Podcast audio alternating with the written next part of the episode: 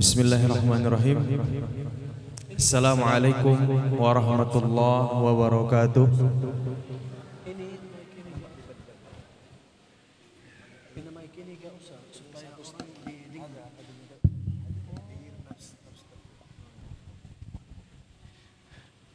الحمد لله الحمد لله وكفى والصلاة والسلام على نبي المجتبى وعلى آله وصحبه أهل الصدق والوفاء Ashhadu an la ilaha illallah wahdahu la syarika la Wa ashhadu anna muhammadan abduhu wa rasuluh Alladhi la nabiyya wa la rasula ba'dah.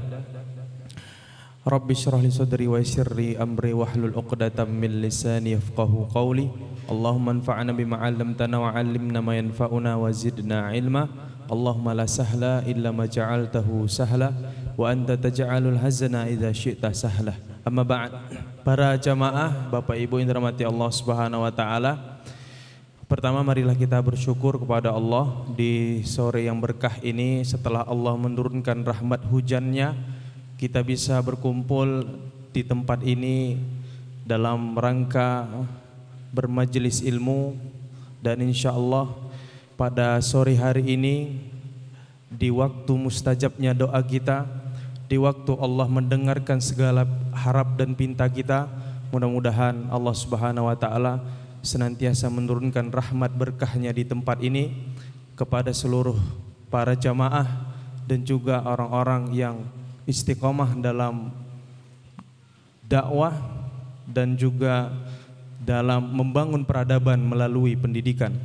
Dan kami selaku tamu rombongan bersama Syekh Mahmud Muhammad Abdul Al mengucapkan jazakumullahu khairan kepada ayah Handa Heri selaku ketua yayasan dan juga Kiai Haji Umar Fakihuddin sebagai ustadz kami yang memberikan kesempatan kami untuk hadir di sini.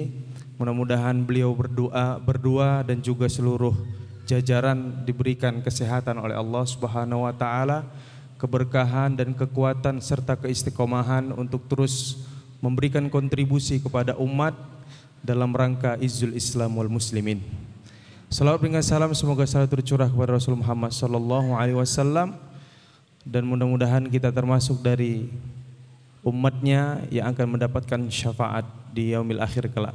Para jamaah yang dirahmati Allah Subhanahu wa taala, saya sebagai pendamping sekaligus mutarjim penerjemah dari Syekh kita, Syekh Mahmud Muhammad Jabir Abdul Al yang merupakan putra kelahiran Gaza Palestina, seorang hafizul Quran, seorang imam masjid ya di beberapa negara Islam dan beliau juga seorang mujahid yang berjuang di garda terdepan dalam membela Al-Quds, dalam memperjuangkan ya Al-Aqsa demi menjaga tanah suci kita yaitu Baitul Maqdis.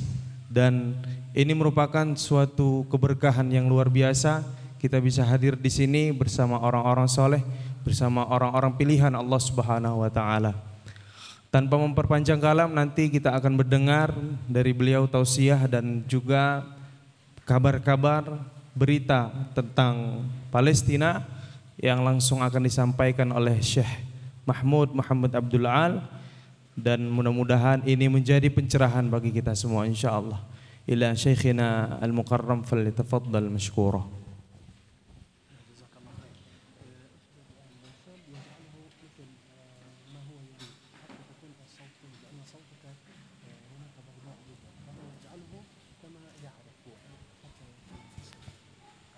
Dan permintaan dari Syekh mohon maaf kepada mungkin petugas teknis mic untuk menyetel uh, apa namanya ampli kita seperti Jumat yang lalu.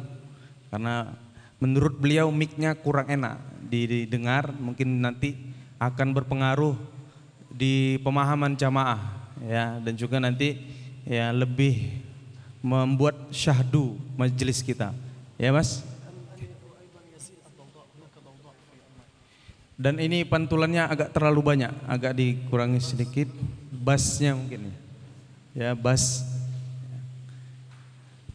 Ibu-ibu, bapak-bapak jangan heran pak ya. Karena beliau ini paling suka mic yang bagus. Kalau udah micnya bagus, dari malam sampai subuh pun beliau akan kiroah.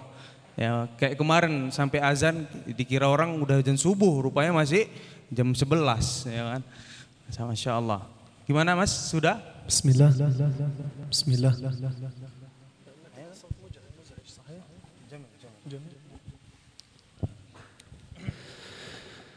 السلام عليكم ورحمة الله وبركاته.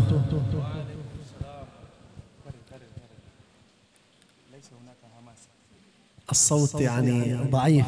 سيبلوم دينجر وراء ما شاء الله. بانيك ورانك. دوك دي دبان أكو. والأنجلاجي ulang lagi Assalamualaikum warahmatullahi wabarakatuh Masya Allah. Sekarang ada orang di sini. Takbir. Takbir. Takbir. Allahu Akbar walillahi alhamd. نبدأ على بركة الله. إن الحمد لله نحمده ونستعينه ونستهديه ونستغفره. ونعوذ بالله من شرور أنفسنا ومن سيئات أعمالنا. من يهدي الله فهو المهتد ومن يضلل فلن تجد له وليا مرشدا. وأصلي وأسلم على المبعوث رحمة للعالمين. محمد بن عبد الله الصادق الوعد الأمين. الذي بلغ الرسالة وأدى الأمانة ونصح الأمة وكشف الله به الغمة وتركنا على المحجة البيضاء ليلها كنهارها لا يزيغ عنها إلا هالك. صلوات ربي وسلامه عليه. يا حبيبي يا رسول الله كل القلوب إلى الحبيب تميل. ومعي بذلك شاهد ودليل. أما الدليل إذا ذكرت محمدا صارت دموع العاشقين تسيل. اللهم صل وسلم وزد وبارك على سيدنا محمد. يقول النبي صلى الله عليه وسلم أكثروا من الصلاة علي. في ليلة الجمعة ويوم الجمعة فإن صلاتكم معروضة علي. اللهم صل وسلم وزد وبارك على سيدنا محمد. أهلا وسهلا بكم وبحضوركم في هذا المكان الجميل الرائع الذي نتشرف بأن نكون بيننا بأن نكون بينكم وبين أحبابنا في هذا المكان الذي يحتوي ويحضره العديد من الناس الطيبون أصحاب هذه الوجوه النيرة. فأهلا وسهلا بكم. وجزى الله عنا وعن المسلمين من أعان على هذه اللقاءات التي تجمع المسلمين ونتحدث بها عن قال الله وقال رسول الله صلى الله عليه وسلم. فمرحبا بكم ونرحب بكم في هذا المكان الطيب العامر بأهله. Setelah beliau bertahmid dan memuji Allah Subhanahu wa taala kemudian bersalawat kepada Nabi kita Nabi kita Muhammad sallallahu alaihi wasallam. Beliau membacakan salah satu hadis yang menjelaskan tentang keutamaan bersalawat di hari Jumat atau malam Jumat. Maka dari itu marilah kita di akhir-akhir hari di Sayyidil Ayyam ini di hari Jumat ini kita memperbanyak salawat kita kepada baginda Muhammad sallallahu alaihi wasallam. Allahumma salli wa sallim wa barik alaihi dan juga Bapak Ibu hormati Allah beliau mengucapkan ahlan wa sahlan bihudurikum. Selamat datang atas kehadiran Bapak Ibu semua di tempat ini di majelis ini. Dan juga mudah-mudahan majelis ini tempat ini senantiasa dalam keberkahan dari Allah Subhanahu wa taala. Dan juga beliau mengucapkan jazakumullahu khairan kepada panitia dan yayasan mungkin yang mengundang para jamaah di sini dalam rangka untuk uh, bermajelis ilmu mudah-mudahan seluruh pihak yang mendukung acara ini senantiasa diberikan keberkahan dan juga diberikan balasan kebaikan oleh Allah Subhanahu wa taala di dunia dan di akhirat. Sekali lagi beliau mengucapkan marhaban bikum. Selamat datang kepada kalian semua. Mudah-mudahan ini menjadi amal soleh kita bersama. يقول الله سبحانه وتعالى في القرآن العظيم بعد أعوذ بالله من الشيطان الرجيم بسم الله الرحمن الرحيم سبحان الذي أسرى بعبده ليلا من المسجد الحرام من المسجد الحرام إلى المسجد الأقصى الذي باركنا حوله لنريه من آياتنا. إنه هو السميع البصير. عرج النبي صلى الله عليه وسلم من البيت الحرام إلى بيت المقدس ومن ثم إلى السماوات العلى في رحلة الإسراء والمعراج. والله سبحانه وتعالى كان قادرا على أن يعرج بالنبي صلى الله عليه وسلم من البيت الحرام إلى السماوات العلى. وكأنه يريد أن يقول لنا لا إله إلا الله اللهم صيبا نافعا اللهم صيبا نافعا اللهم اسقنا الغيث ولا تحرمنا. وكأن الله سبحانه وتعالى يريد أن يقول لنا بأن المسجد الأقصى له أهمية كبيرة وأهمية عظيمة في الإسلام. فقد ولد به أكثر من إحدى عشر نبيا في البيت المقدس في المسجد الأقصى. وكذلك يريد أن يقول لنا أي نحن المسلمون؟ بأن بوابة السماء من فوق المسجد الأقصى. ذلك البيت الطاهر. أولى القبلتين وثالث الحرمين الشريفين. كما ورد في الحديث عن النبي صلى الله عليه وسلم لا تشد الرحال إلا إلى ثلاثة مساجد المسجد الحرام والمسجد ومسجد هذا أي النبوي والمسجد الأقصى فالمسجد الأقصى أولى القبلتين وثالث الحرمين الشريفين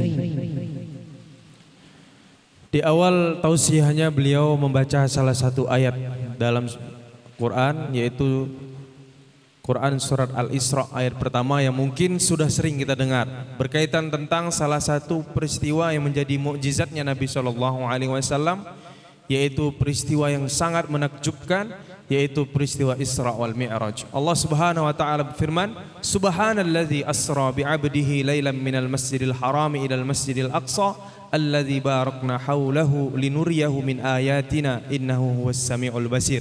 Ayat ini bercerita tentang ya Isra wal Mi'raj. Allah Subhanahu wa taala memperjalankan Nabi Muhammad sallallahu alaihi wasallam dari Masjidil Haram menuju Masjidil Aqsa.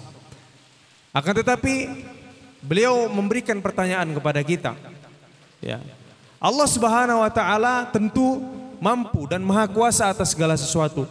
Tentu Allah Subhanahu wa taala mampu untuk langsung memperjalankan Nabi Muhammad sallallahu alaihi wasallam dari Masjidil Haram langsung ke Sidratul Muntaha. Langsung ke langit ketujuh. Allah mampu untuk itu. Akan tetapi kenapa Allah Subhanahu wa taala lebih dulu memperjalankan Nabi dari Masjidil Haram menuju Masjidil Aqsa. Apa hikmah di balik ini? Ya, Allah Subhanahu wa taala ternyata hikmahnya Allah Subhanahu wa taala ingin memberitahukan kepada kita bahwa ternyata Masjidil Aqsa memiliki kedudukan yang mulia di dalam Islam.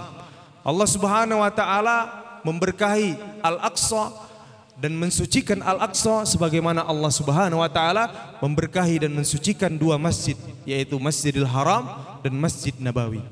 Para jamaah yang dirahmati Allah Subhanahu wa taala, seperti yang kita tahu juga bahwa Masjidil Aqsa merupakan kiblat pertama umat Islam dan juga menjadi masjid ketiga yang disucikan dan dimuliakan oleh Allah Subhanahu wa taala. Sebagaimana dalam hadis dikatakan la tushaddur rihal illa ila salasati masajid. Kita tidak boleh berlelah-lelah, bersusah payah untuk melakukan perjalanan kecuali untuk menuju tiga tempat. Yang pertama adalah Masjidil Haram, Kemudian mas, Masjid Hadza kata Nabi, Masjid Nabawi dan yang ketiga adalah Masjidil Aqsa. Ini menunjukkan Masjidil Aqsa memiliki keutamaan sebagaimana keutamaan yang dimiliki Masjidil Haram dan Masjid Nabawi. Akan tetapi terkadang kita luput dari perhatian kita. Kita lupa bahwa ternyata selain Masjidil Haram, selain Masjid Nabawi ada satu lagi masjid yang hendaknya menjadi perhatian kita, yang hendaknya kita sucikan, kita kita berkahi, ya, yang kita agungkan karena dia merupakan masjid yang juga disucikan dan diberkahi oleh Allah Subhanahu wa taala yaitu Masjidil Masjidil Aqsa. فهذا المسجد أولى القبلتين وثالث الحرمين يتعرض للاحتلال الإسرائيلي الظالم على أهل فلسطين فهو محتل من قبل الاحتلال الظالم. لماذا؟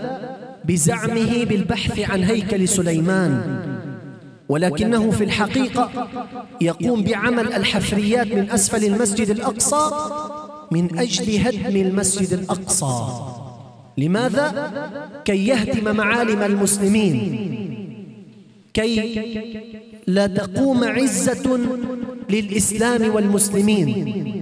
كي يمسح معالم المسلمين ولكنه خاب وخسر ولم يعرف بأن هناك الرجال الرجال الذين يضحون بأغلى ما يملكون من أجل الله سبحانه وتعالى ومن أجل أوطانهم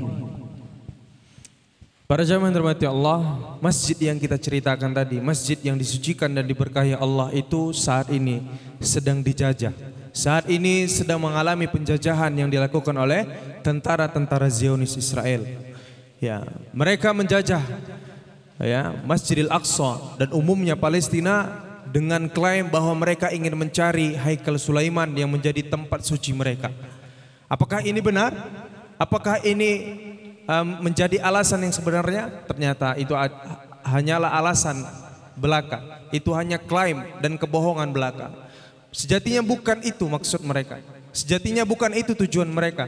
Tujuan mereka tidak lain adalah untuk menghancurkan Masjidil Aqsa, untuk menghilangkan kemuliaan kaum muslimin, untuk mencederai ya, kemuliaan kaum muslimin dengan merusak tempat suci mereka.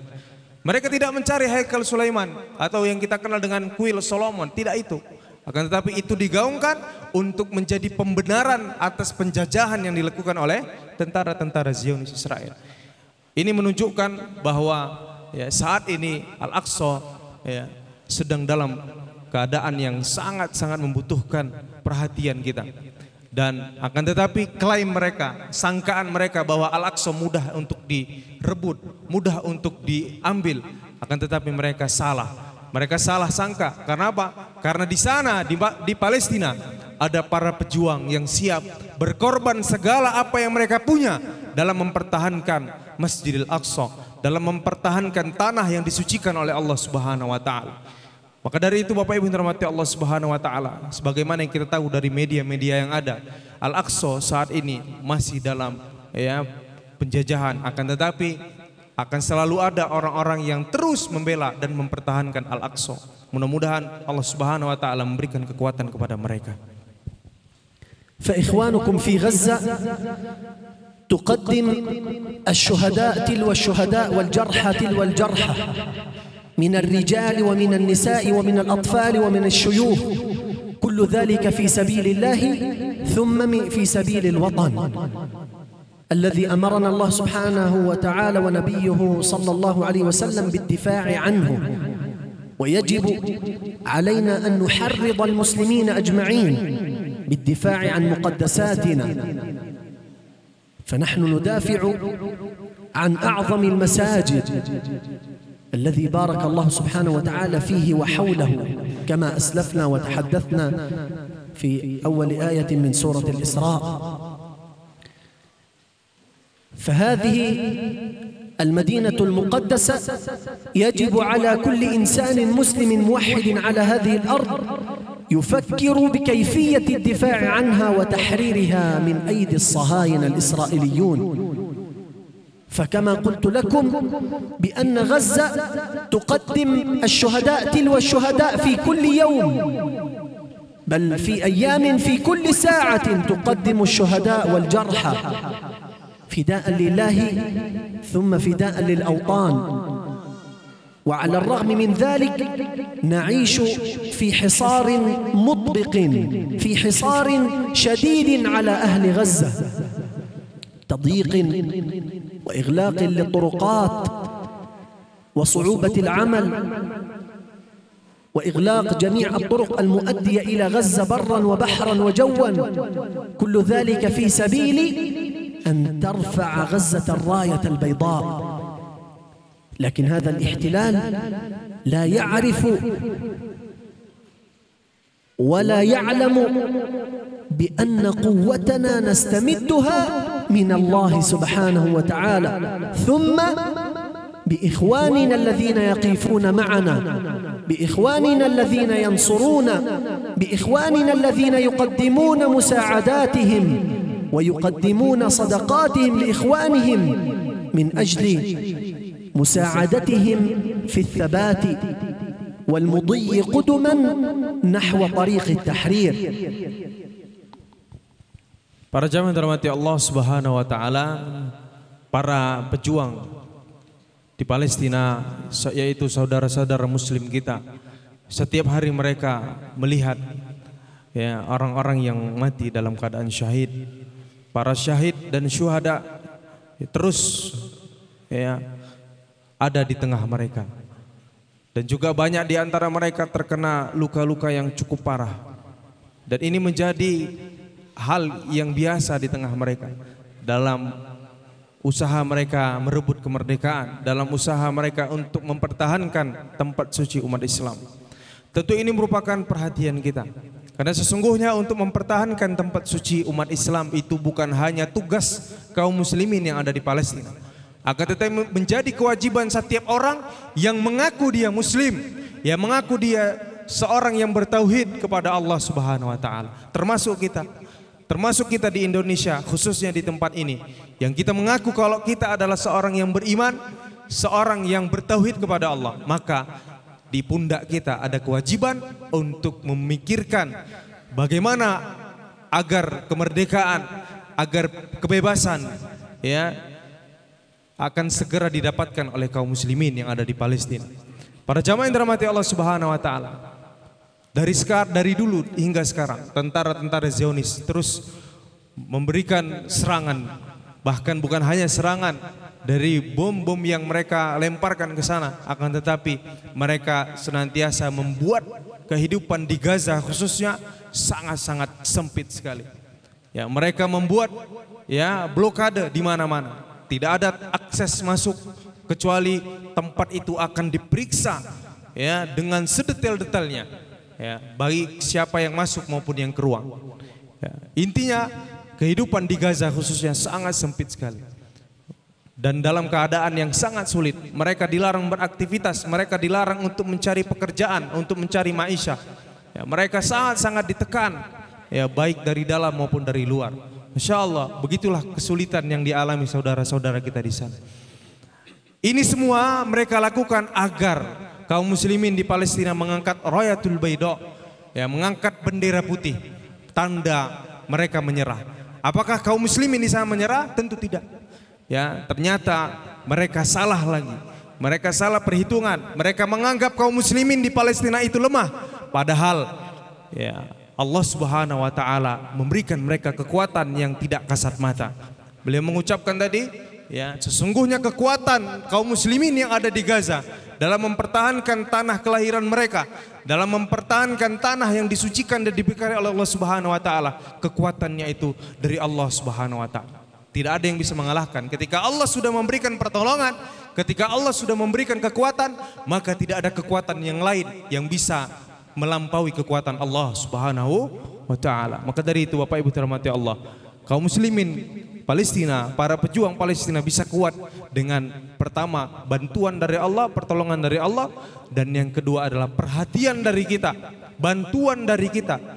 Ya, apa pun kontribusi kita untuk Palestina, maka itu akan menguatkan langkah mereka untuk tetap berjuang mempertahankan Al-Aqsa, mempertahankan Baitul Maqdis, mempertahankan tanah yang diberkahi dan disucikan oleh Allah Subhanahu wa taala. Maka dari itu jangan lupa kita untuk berkontribusi kepada mereka baik melalui doa kita, baik melalui sedekah dan infak kita dan tentu juga baik dengan pemikiran kita. Bagaimana kita berpikir mengkader para generasi Islam mudah-mudahan mereka lah yang akan membebaskan Al-Aqsa di kemudian hari insyaallah.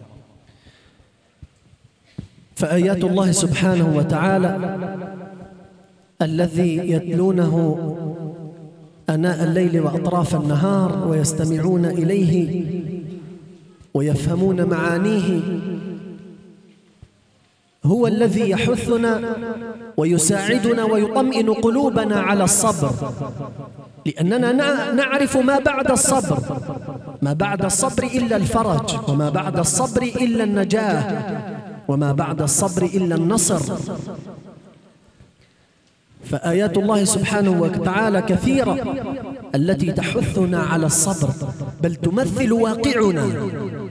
قال الله سبحانه وتعالى يا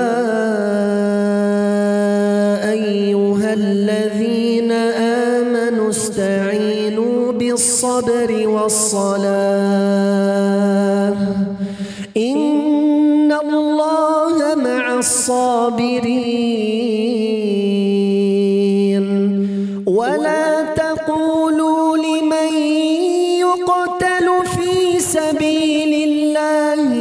أموات بل أحياء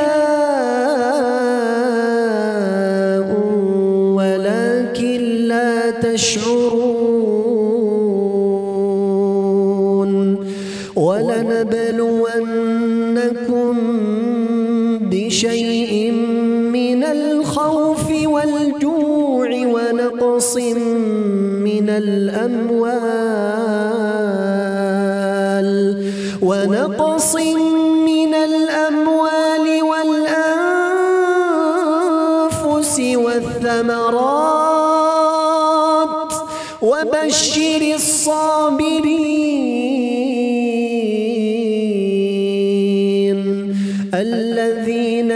إذا أصابتهم مصيبة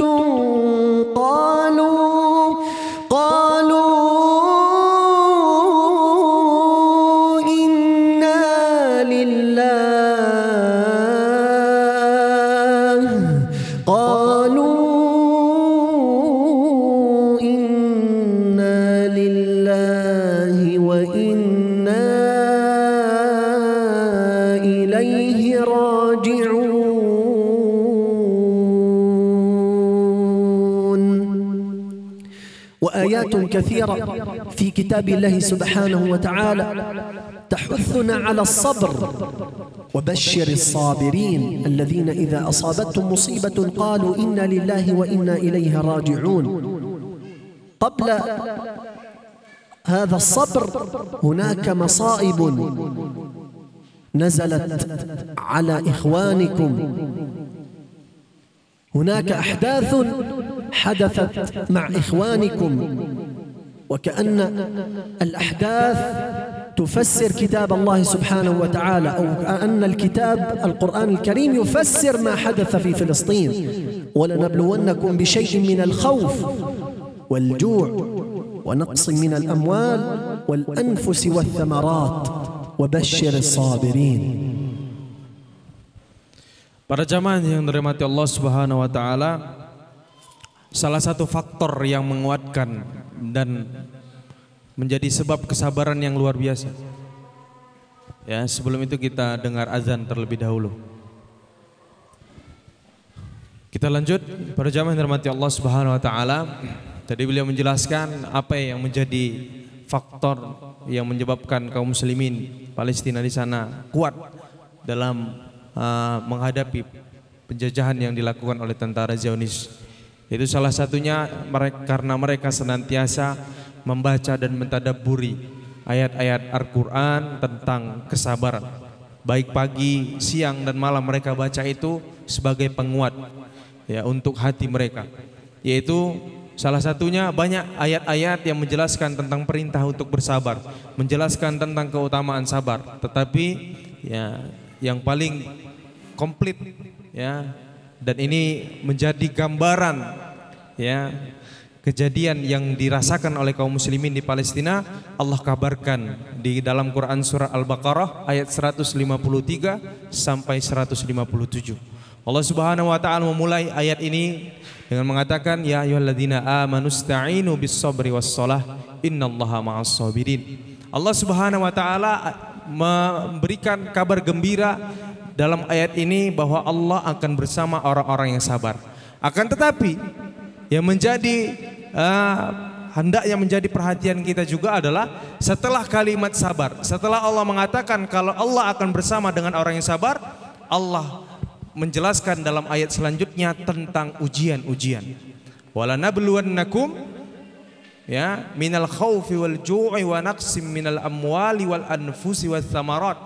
Lima ujian inilah ya, lima ujian inilah yang menjadi asbab agar Allah Subhanahu wa taala memberikan ya maiyahnya kepada kita. Agar Allah Subhanahu wa taala membersamai kita.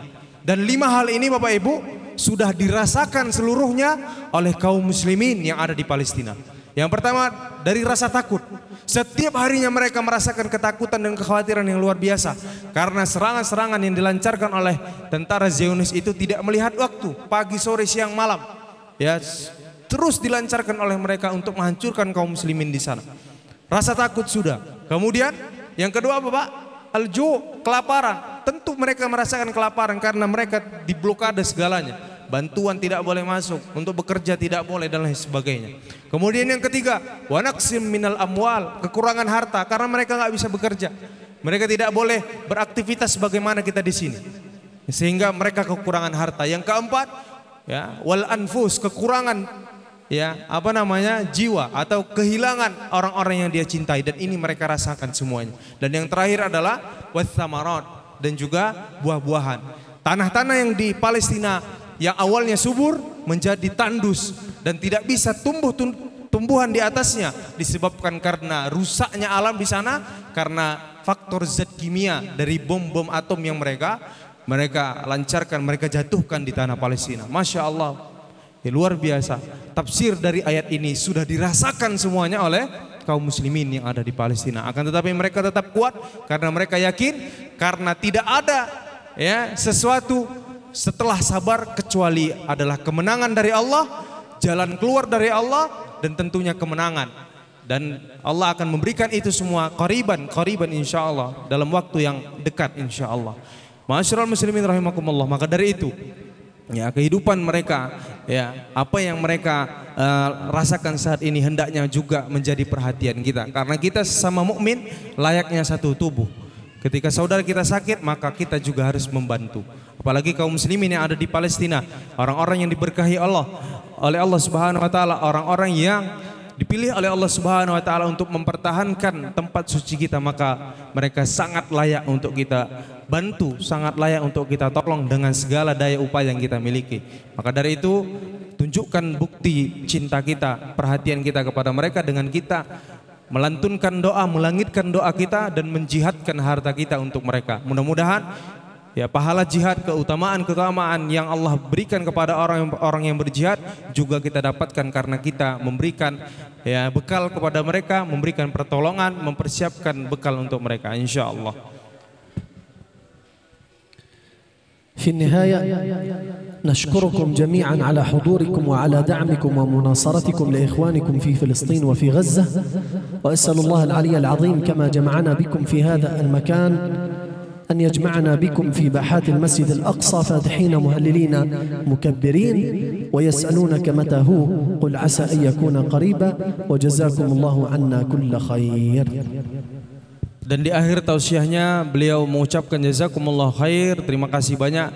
Semoga Allah Subhanahu wa taala membalas kebaikan Bapak Ibu semua yang telah hadir di tempat ini mendengarkan tausiah dari beliau dan juga beliau uh, berdoa kepada Allah sebagaimana Allah Subhanahu wa taala mengumpulkan kita di tempat ini.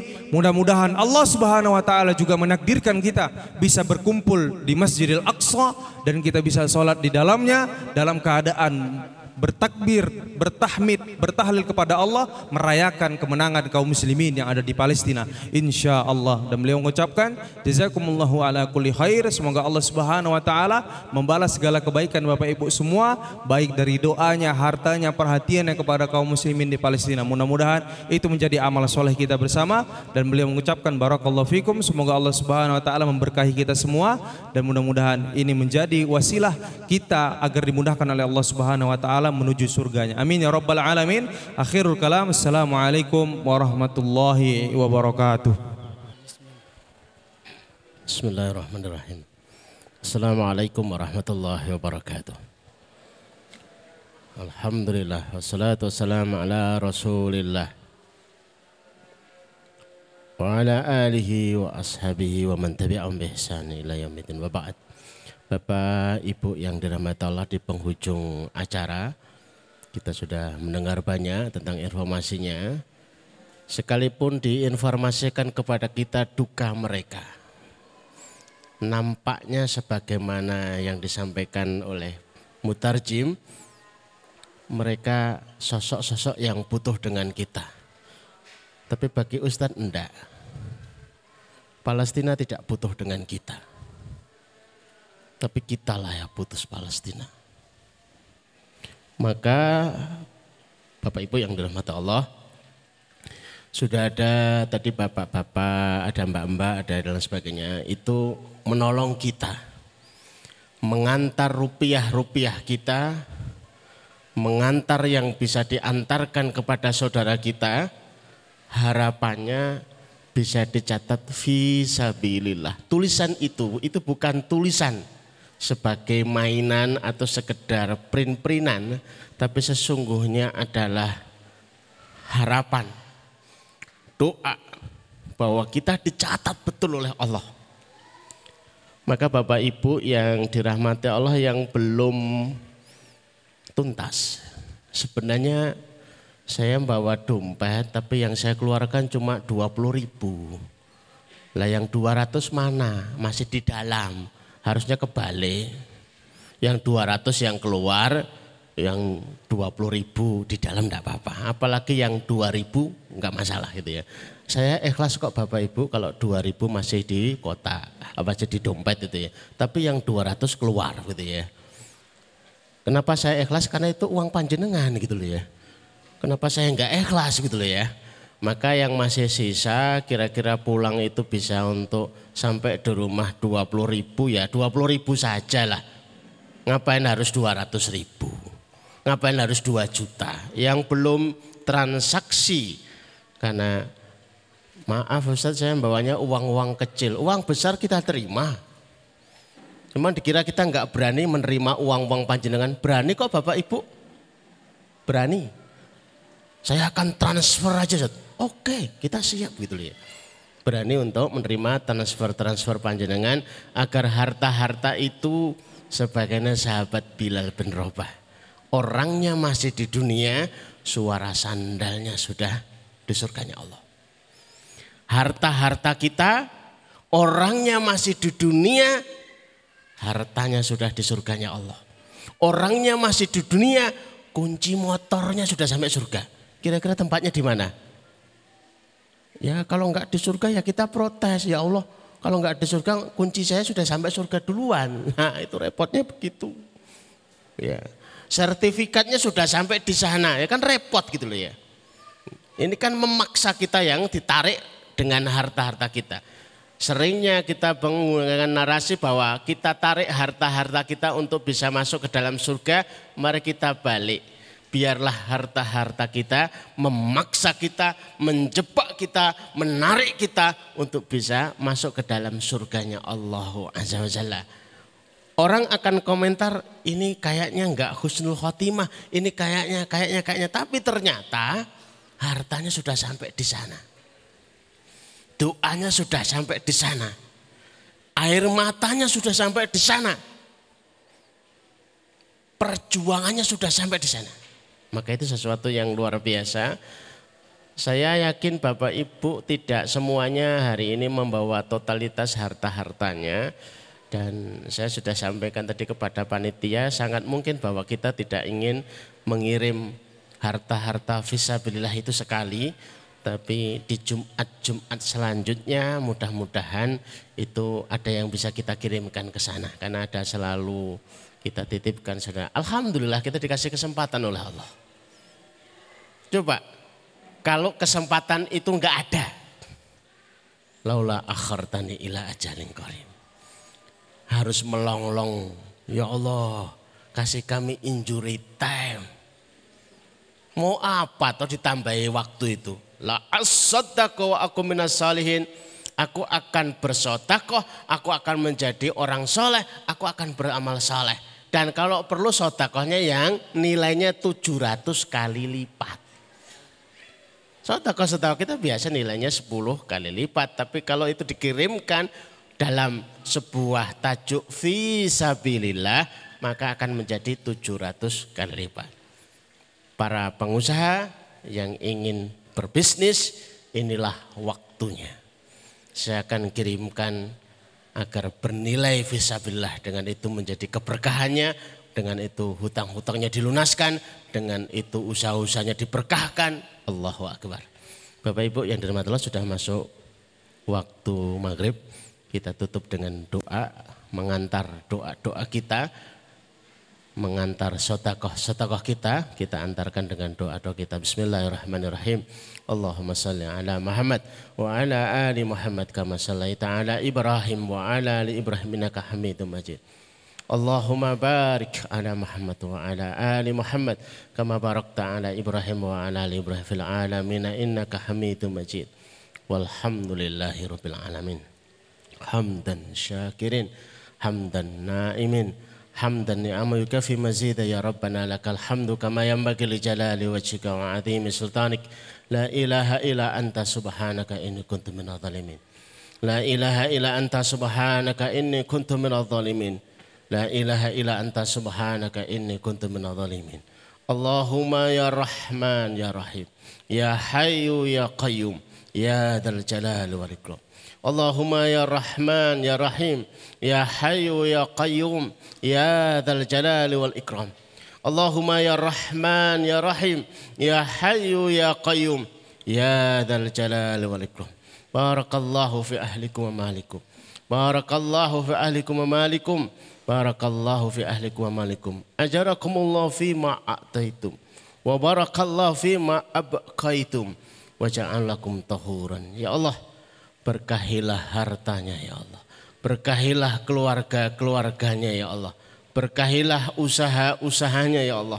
Berkahilah ya Allah waktu dan usianya birahmatika ya arhamar rahimin. Ya Allah pahalailah yang disotakohkan sore ini sore hari ini dalam fisabilillah. Ya Allah berkahilah harta-harta yang disisakan. Ya Allah jadikan sebab ampunan dari seluruh dan sepenuh dosa-dosanya. Ya Allah jadikan sebab terselesaikannya masalah-masalahnya. Terlunaskan hutang-hutangnya dan terkabulkan seluruh hajat-hajatnya birahmatika ya arhamar rahimin Allahumma inna nas'aluka min khairin ma sa'ala minhu nabiyuka Muhammad sallallahu alaihi wasallam. Wa na'udzu bika min syarri ma minhu nabiyuka Muhammad sallallahu alaihi wasallam. Antal musta'an alaikal balagh. Wala haula wala quwwata illa billah. Ya Allah sesungguhnya kami memohon seluruh kebaikan yang pernah diminta oleh Nabi kami Sallallahu Alaihi Wasallam. Ya Allah sesungguhnya kami memohon perlindungan seluruh perlindungan yang pernah diminta oleh Nabi kami Sallallahu Alaihi Wasallam. Ya Allah engkau lah tempat kami meminta, engkau lah yang menyampai segala urusan. La khala wa la quwwata illa billah. Allahumma dzib hammana. Allahumma dzib hammana. Allahumma dzib hammana. Ya Allah angkatlah masalah-masalah kami. Ya Allah urailah problematika kami berahmatika ya arhamar rahimin. Allah makfina bihalalika an haramika wa aghnina bifadlika amman siwaka. Ya Allah cukupkan kami dengan rezekimu yang halal. Sehingga kami tidak butuh kepada yang haram. Ya Allah kayakan kami dengan anugerahmu ya Allah. Sehingga kami tidak butuh kepada selainmu birahmatika ya arhamar rahimin. ربنا آتنا في الدنيا حسنة وفي الآخرة حسنة وقنا عذاب النار وقنا عذاب النار وقنا عذاب النار وصلى الله على محمد وعلى آله وصحبه وسلم. سبحان ربك رب العزة عما يصفون وسلام على المرسلين والحمد لله رب العالمين. جزاكم الله pada Syekh Mahmud dan yang mengantar beliau sehingga Allah tepatkan kita, Allah berikan taufik kita untuk bisa bertemu dengan beliau. Jazakumullah Bapak Ibu yang dirahmati Allah. Uh, yang hari ini sudah dititipkan segera akan kami kirimkan. Selanjutnya yang masih tersisa ingin disampaikan kami masih menunggu sampai nanti pertemuan-pertemuan selanjutnya insya Allah. Jazakumullah. Assalamualaikum warahmatullahi wabarakatuh. Terus ya.